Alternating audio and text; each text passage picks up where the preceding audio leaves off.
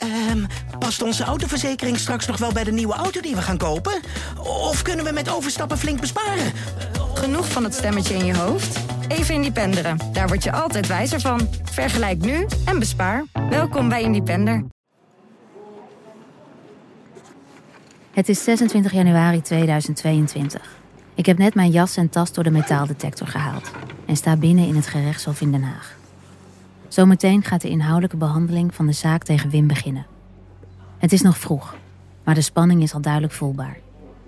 Tientallen nabestaanden van Heidi Goedhart staan te wachten in de statige gangen. Want niet alleen houdt deze zaak Wim al elf jaar bezig. Ook het leven van de nabestaanden is sinds die decemberavond in 2010 niet meer hetzelfde. Er is lang gewacht op dit moment. Eigenlijk zou de zaak veel eerder worden behandeld, afgelopen september al. Maar de aanklager werd toen na de eerste zittingsdag ziek en dus werd het een paar maanden uitgesteld. Maar nu is het dan eindelijk zover. Alleen, Wim is er niet bij deze woensdag.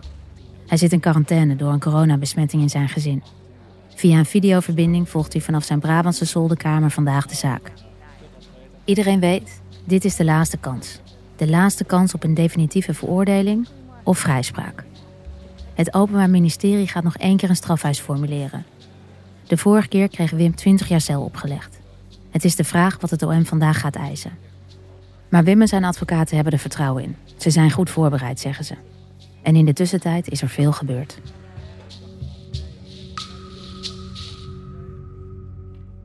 Dit is aflevering 4 van Grijs Gebied, een podcast van de Volkskrant. En ik ben Elspet Stoker, justitieverslaggever.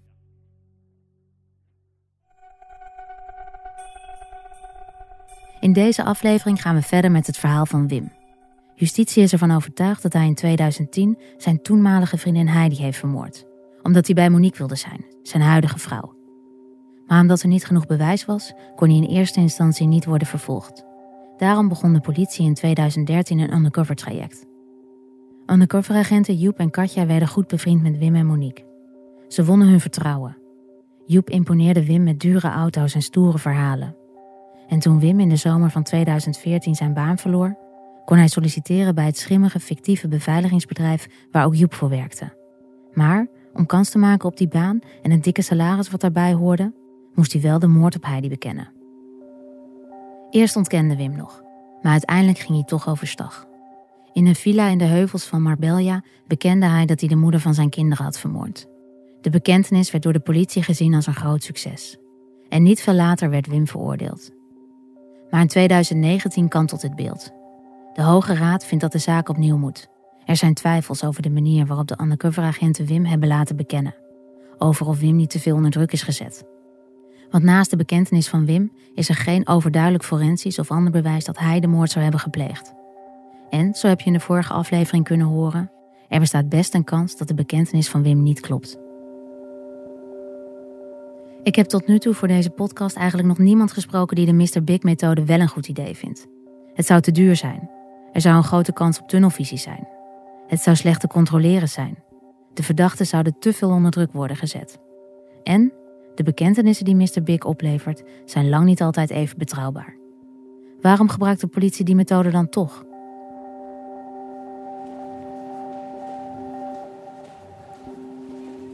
In de zomer van 2021 mag ik na enig aandringen langskomen in Driebergen, bij de landelijke eenheid van de politie. Ik ben uitgenodigd op de afdeling van het team afgeschermde operaties. Van hieruit worden de Nederlandse undercoveragenten aangestuurd. Het is een goed beveiligd terrein, waar ik het ene na het andere beveiligingspoortje door moet. Er is alleen wel een maar. De mensen die ik zo gaan spreken kan ik alleen maar vragen stellen over de Mr. Big-methode in het algemeen. En dus niet specifiek over de zaak van Wim of die van Ad. Want ze zijn er zelf niet bij betrokken. Ze kennen de details dus niet goed genoeg. En ze praten sowieso nooit inhoudelijk over zaken die nog onder de rechter zijn. Uh, dus de zweem die er hangt om undercover werk, ook wel door films en foute series en media uh, gehyped, hè, als ik eerlijk ben, ja, die is niet terecht. Dit is Marjolein Smit. Zij is op het moment dat ik haar spreek als politiechef verantwoordelijk voor de undercover trajecten.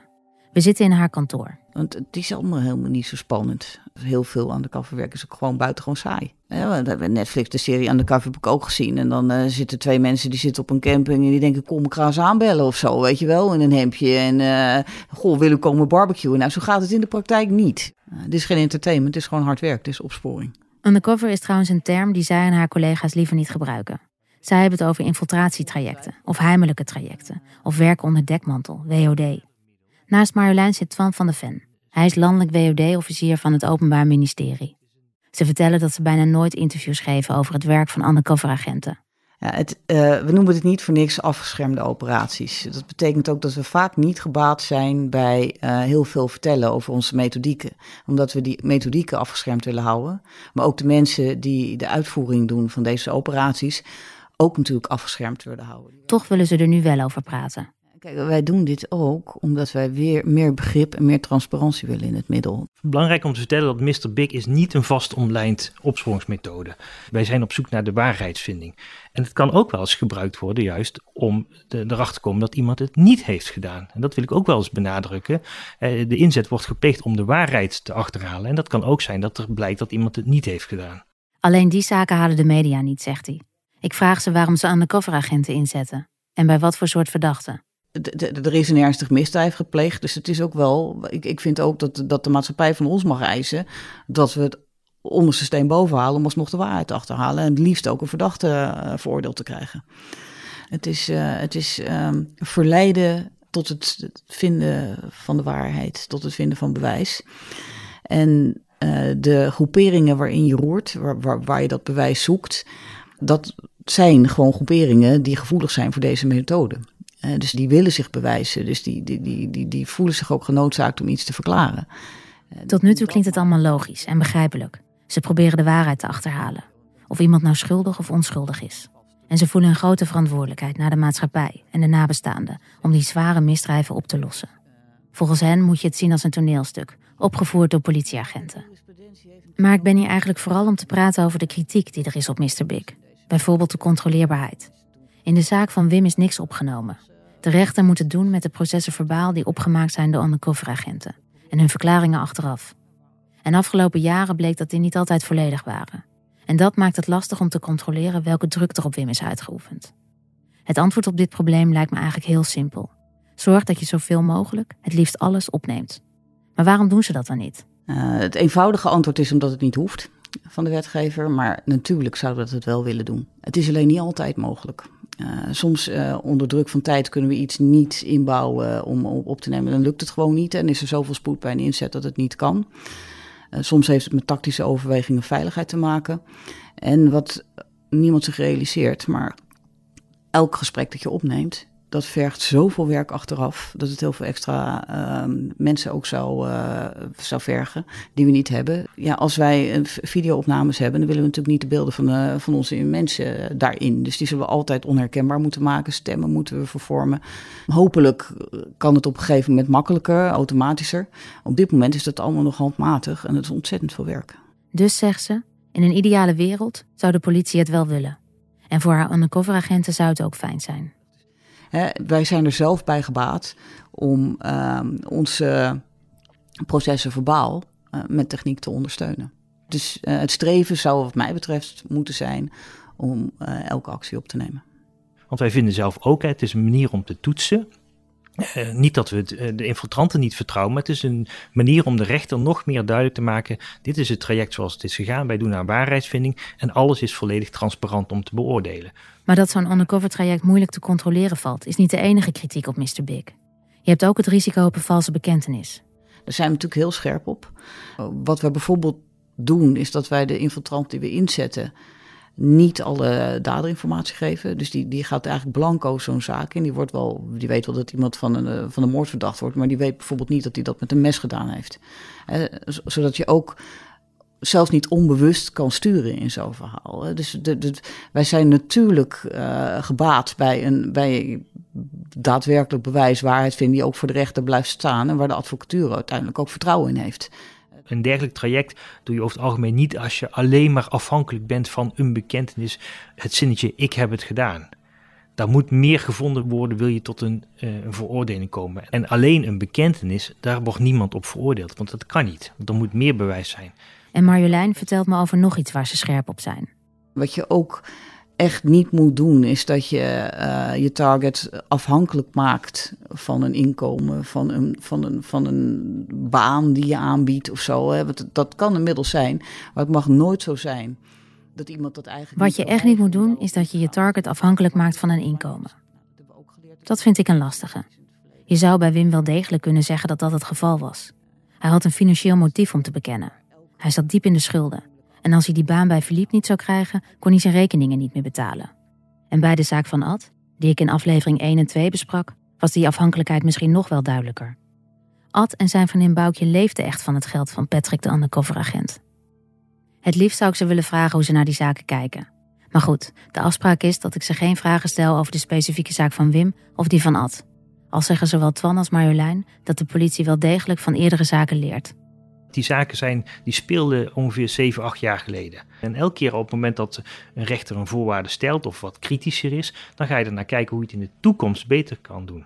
En of het nou gaat over het opnemen daarvan, of uh, hoe je een verklaring uh, ontlokt, of hoe je een middel inzet. Uh, dat, de, ja, dat is voortdurend in ontwikkeling. Wij leren ook van elke uitspraak opnieuw, leren wij weer. En of dat nou... Ze zeggen het niet, maar het zou natuurlijk kunnen dat ze zo'n traject als met Wim tegenwoordig anders zouden aanpakken.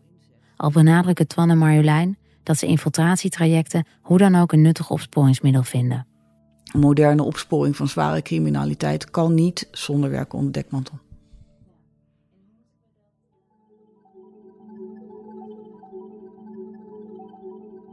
Als het aan de politie ligt, blijven ze Mr. Big dus inzetten.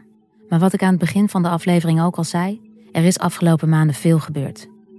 Zo werd de vrouw die je net hoorde, Marjolein Smit, een paar maanden na dit interview gedwongen om op te stappen. En dat had alles te maken met een heel kritisch rapport dat eind vorig jaar verscheen over haar politieafdeling van de Friese burgemeester Oebele Brouwer. De aanleiding voor dat rapport was een tragische zaak. In april 2021 pleegde een ervaren undercoveragent in een ander misdaadonderzoek zelfmoord. En in zijn afscheidsbrief schreef deze agent A4265, zoals hij werd genoemd, dat het voelde alsof zijn leven hem was afgenomen dat hij geen onderscheid meer wist te maken tussen zichzelf en de rol als infiltrant. Volgens zijn familie werd hij onder druk gezet om maar door te blijven gaan, terwijl het niet goed met hem ging. En hij kreeg tijdens het werk een intieme relatie met de vrouw van het target. De conclusie van het rapport was niet alleen dat er veel mis was gegaan in deze specifieke zaak, maar dat er überhaupt veel problemen zijn bij die politieafdeling. Volgens de onderzoekers legt de zelfdoding van deze undercoveragent bloot dat de professionaliteit van het team werken onder dekmantel ernstig te wensen overlaat. Dat het in andere zaken vaak wel goed gaat, komt vooral door de persoonlijke kwaliteiten van de individuele werknemers, schrijven ze. En dus niet door de goede organisatie van de politie. Er is te weinig aandacht voor het mentale welzijn van infiltranten, onvoldoende oog voor ethische grenzen. En belangrijke besluiten worden op een te laag niveau genomen. En het is niet bij dit ene kritische rapport gebleven. Eind januari verscheen er nog een van de Inspectie Veiligheid en Justitie. De conclusie was ongeveer hetzelfde. WOD'ers vinden dat er een giftige en manipulatieve cultuur heerst op hun afdeling. En problemen durven ze vaak niet aan te kaarten. De grote vraag is natuurlijk wat die rapporten gaan betekenen voor de toekomst van het undercoverwerk. En misschien ook wel voor de strafzaak van Wim. Ik besluit Sven Brinkhoff te bellen. Hij is hoogleraar strafrecht aan de Open Universiteit. Met Sven. Hey, met Elsbeth. Hey. Sven Brinkhoff heeft zich afgelopen jaren gespecialiseerd in infiltratietrajecten en is inmiddels vanuit zijn vakgebied een autoriteit als het gaat om politieinfiltratie. Ik, uh, ik interesseer me al langere tijd voor met name die heimelijke onderdelen van het strafproces. En dat, uh, dat onderzoek is niet alleen kijken naar uitspraken van rechters en, um, en naar, naar literatuur kijken, maar juist ook heel veel met mensen uit de praktijk in contact treden. Zodat ik echt in die haarvezels probeer te komen van ja, hoe werken die teams nou en hoe zit het en waar zitten de risico's en knelpunten? En wat voor wereld kom je dan tegen als je in de haarvezels kruipt? Ja, dat is toch een wereld uh, van uh, op zich, als je met de mensen die het werk doen, of die er omheen hangen, spreekt en hoor je hoe zij in hun werk staan, dan klinkt dat echt heel professioneel en echt heel uh, goed. Alleen, we zien het ook echt in concrete strafzaken naar boven komen. Of daar zie je gewoon dat dat echt op sommige punten ja, toch buiten de lijntjes wordt gekleurd. En ja, dit is dan wat we zien. Hè. Ik weet voor de rest ook niet wat er nog meer gebeurt. Uh, en ja, dat is ook niet gek. Hè? Waar, waar mensen werken, gebeuren er altijd dingen die, die eigenlijk niet het daglicht kunnen verdragen. Maar goed, ik kan natuurlijk als buitenstaander op dit geheel ook niet zeggen van ja, maar dit gebeurt echt wekelijks. Dat weet je gewoon niet. Het enige wat ik weet is, we hebben wel een aantal voorbeelden de laatste jaren gezien. Sven is dus ook kritisch. Hij vertelt me dat hij de indruk heeft dat de politie steeds vaker de grenzen opzoekt. Niet alleen bij Mr. Big, maar bij allerlei soorten misdaadonderzoeken. Vanuit de politie, vanuit het OM, natuurlijk ook door wat we de laatste tijd hebben zien gebeuren in Marengo met de moord op de Vries en ga zo maar door.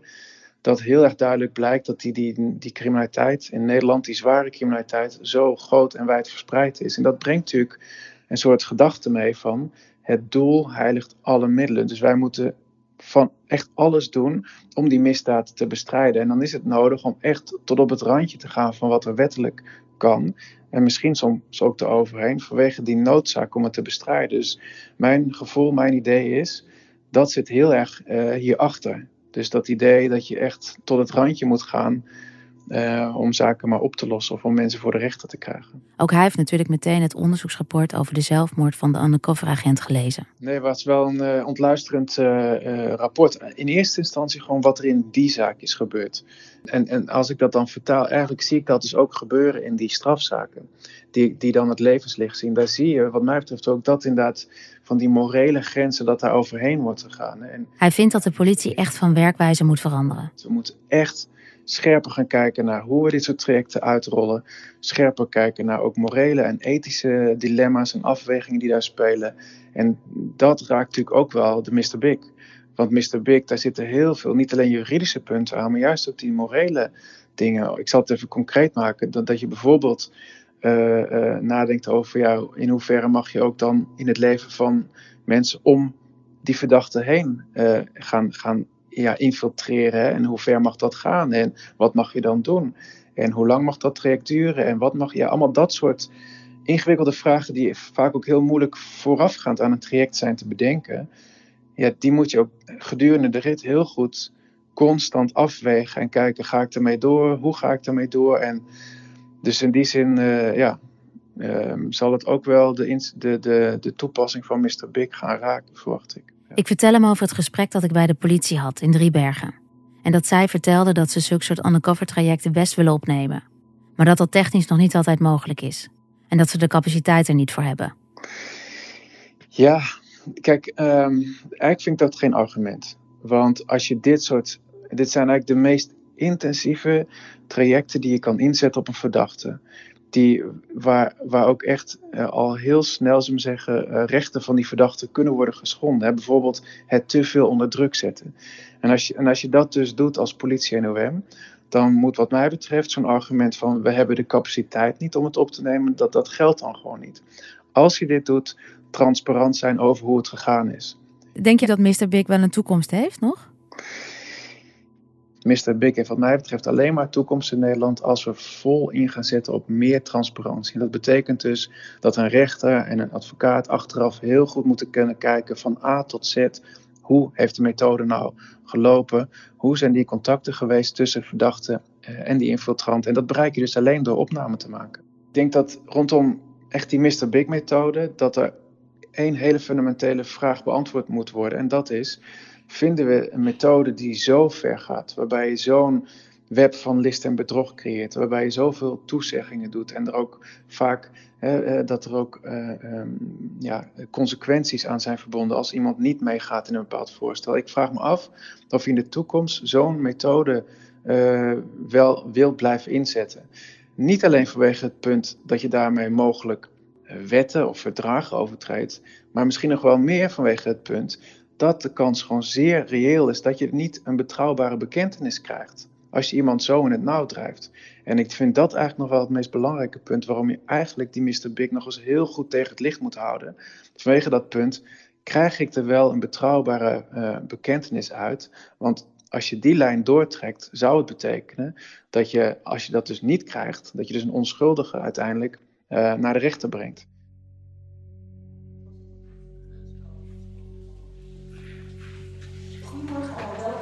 Terug naar woensdag 26 januari, het Haagse gerechtshof. De zitting is inmiddels begonnen. Het is trouwens de eerste van twee zittingsdagen. In de zaal zit iedereen op coronaveilige afstand. Aan de linkerkant staat een groot tv-scherm waarop Wim te zien is vanuit zijn zolderkamer. Hij heeft een grijs t-shirtje aan. Van spanning bijt hij zo nu en dan op zijn nagels. En soms schiet hij vol. Ook in de zaal zie ik alleen maar bedrukte gezichten. Als eerste zijn de nabestaanden van Heidi aan de beurt. Zij mogen vertellen wat de moord op Heidi met hen heeft gedaan. De vader van Heidi begint. Zijn papier trilt als hij vertelt dat zijn dochter nog niet klaar was met het leven. Dat ze nog zoveel plannen had voor haar en haar zoontjes. En dat het niet hoort dat hij, een vader, zijn kind naar een crematorium moet brengen. Daarna krijgt Bianca het woord, de zus van Heidi. Bianca herinnert zich die verschrikkelijke decembernacht in 2010 nog als de dag van gisteren. Hoe ze wakker werd gebeld. Hoe ze naar het huis van Heidi en Wim ging. Hoe ze zag dat haar zus onder een deken in de tuin lag, gedood in de sneeuw. En dat ze niet onder die deken mocht kijken. Hoe ze Heidi's zoontjes voorzichtig wakker moest maken, zodat ze bij haar konden komen logeren, terwijl de politie onderzoek deed in het huis. En hoe een van de zoontjes mama zei toen ze de slaapkamer binnenstapte. En hoe ze een glimlach veinsde en vrolijk probeerde te antwoorden dat het tante Bianca was. En hoe het jongetje van twee vervolgens niets vermoedend begon te kletsen. Net als de rest van de familie van Heidi is ze ervan overtuigd dat Wim de dader is. Ze geloofde niks van dat hij onder druk stond van undercoveragenten bij het afleggen van een bekentenis. Ja, dank u wel, eh, mevrouw de voorzitter, edel groot uh, college, geachte raadsleden, familie Goedhart en uh, overige aanwezigen. Dan volgt het Openbaar Ministerie. Volgens de aanklager is er geen twijfel. Wim heeft het gedaan. Er is geen andere verklaring voor de moord op Heidi, vindt hij. Het scenario dat hij die inbrekers heeft betrapt en die haar hebben vermoord, vindt de aanklager volstrekt ongeloofwaardig. Wie breekt er nou in tijdens een hevige sneeuwbui? Daarnaast zaten Heidi's jas en sjaal onder het DNA van Wim. Hij twijfelt ook niet aan Wims bekentenis. Wat het OM betreft klopt hij gewoon. Wim is helemaal niet onder te veel psychische druk gezet, vindt hij. En ook het verhaal dat hij diep in de schulden zat en dat hij de moord wel moest bekennen om de baan bij Verliep te krijgen, gaat er bij de advocaat-generaal niet in. Volgens het OM is het heel duidelijk. Wim is een kille en berekenende moordenaar. Hij gedraagt zich bovendien respectloos door de nabestaanden in het ongewisse te laten. Hij heeft daar opgewacht in de tuin en direct aangevallen. Dat is een volstrekt logische gang van zaken. Maar ook de enige logische gang van zaken gelet op het dossier. Iedere concrete, redelijke aanwijzing dat het anders is gegaan ontbreekt in mijn visie. Hij is wel bewust de tuin gegaan terwijl het koud was en sneeuwde. Hij had tijd en gelegenheid om zich daarop te beraden. Hij is schuldig gemaakt aan moord wat mij betreft niet aan hem 17,5 jaar gevangenisstraf worden opgelegd. 17,5 jaar gevangenisstraf dus. Dat is de eis van het OM. Twee dagen later, op vrijdag 28 januari, wordt de zaak hervat. Opnieuw zijn veel nabestaanden van Heidi naar de rechtszaal gekomen. En ook Wim is er deze keer bij. Hij mag weer uit coronacarantaine. Eerst krijgen zijn advocaten het woord. Giftig, dat is een van de eerste dingen die ze zeggen over het verhaal van het OM. Ze vinden dat het OM andere verklaringen voor de dood van Heidi veel te makkelijk aan de kant schuift. Bijvoorbeeld het scenario dat een inbreker haar vermoord zou hebben. Vlak na de moord kreeg de politie namelijk een anoniem bericht uit de onderwereld. Dat twee bekende inbrekers Heidi Goedhart zouden hebben gedood. Een van die twee mannen bleek geen sluitend alibi te hebben, zeggen de advocaten. Daarnaast zeggen ze dat de DNA-sporen die gevonden zijn op Heidi's jas niet bewijzen dat Wim de moordenaar was. Het DNA kan ook van Heidi's zoontjes afkomstig zijn. En er werden op het plaatsdelict ook nog andere DNA-sporen gevonden, van een onbekende man. Ook vinden de advocaten van Wim het vreemd dat het OM er zomaar van uitgaat dat Wims bekentenis klopt. Er is namelijk eerder tijdens het strafproces onderzoek gedaan naar de betrouwbaarheid van Wims bekentenis, door een hoogleraar rechtspsychologie. En daaruit bleek dat de kans dat Wims bekentenis niet klopt best reëel is. Goed, ik zei al, daar begon ik eigenlijk mee en dat is het belangrijkste punt denk ik ook. Het is een ingewikkelde zaak. Aan de ene kant dat hele ernstige strafbare feit, waarvoor de behoefte om iemand te bestraffen natuurlijk heel groot is. En dat zien wij ook wel. Als ik één ding heb geleerd in dit vak in de afgelopen x jaren, dan is het wel dat de werkelijkheid soms vreemder is dan je je kan bedenken. En ik zou u zeer willen waarschuwen voor de gedachte dat u op basis van ja, een soort algemeen gevoel van logica zou kunnen vaststellen wat die werkelijkheid is en wat die waarheid is. Dat kunt u naar mijn overtuiging, met alle respect voor iedereen, niet net zo als ik dat niet kan en ik denk ook de advocaat-generaal het niet kan. We moeten het doen met wat het bewijsmateriaal ons leert. En welk bewijsmateriaal is dat dan? Op welk bewijsmateriaal moet u nou zeggen, het kan niet zo zijn dat jij het niet bent. Het kan niet zo zijn dat we de verkeerde gaan veroordelen. We weten zeker dat het klopt wat u zegt. Wij hebben dat bewijsmateriaal in dat grote dossier na al die jaren en alles wat daarover gezegd is en advocaat-generaal heeft gezegd, niet aangetroffen. Wat hen betreft is er maar één optie: vrijspraak. En dan is het woord aan Wim. Hij heeft de hele dag stil in de rechtszaal gezeten. Op een paar A4'tjes heeft hij zijn laatste woord getikt. We mogen het opnemen, onder één voorwaarde: dat we zijn stem vervormen. Hij is bang dat mensen zijn stem later anders zullen herkennen. Pijn. Maakt me boos en maakt me verdrietig. Net zoals familie Oetvaart daar ook helemaal op is, zijn wij ook op. Toen ik mijn dierbare Heidi buiten aantrof bij haar fiets, raakte ik compleet van de kaart. Er ging van alles door mij heen, maar tegelijk voelde ik mij bevroren. Toen eindelijk de hulpdiensten arriveerden, en voor mijn gevoel duurde dit eeuwig, hoopte ik dat ze bij kennis zou komen. Helaas kreeg ik het droevige nieuws dat ze was overleden. Mijn vriendin, mijn maatje, was er ineens niet meer. Kapot van verdriet was ik.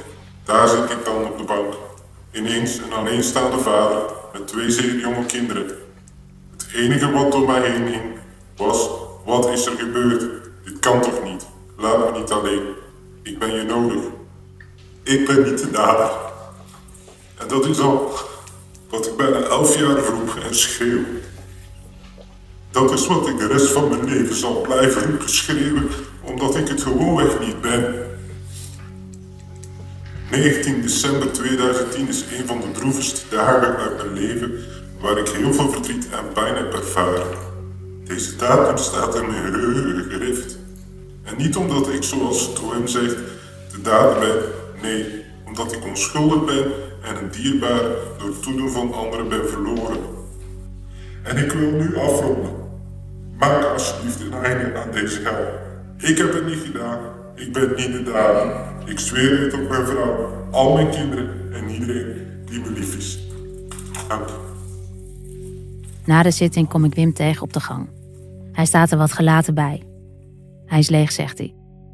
We gaan het zien, antwoordt hij als ik hem vraag wat hij verwacht. Wordt het vrijspraak of toch 17,5 jaar gevangenisstraf? Accepteren de raadsheren de Mr. Big-methode of vinden ze dat de politie te ver is gegaan? Dat hoor je in de volgende aflevering. Dit was Grijs Gebied, een podcast van de Volkskrant.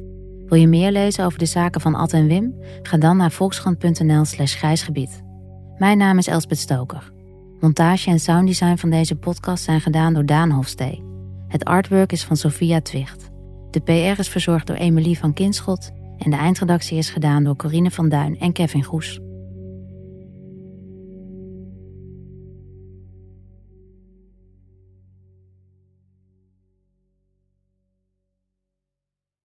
Ah, we rijden al jaren schadevrij en toch stijgt de premie van onze autoverzekering elk jaar weer.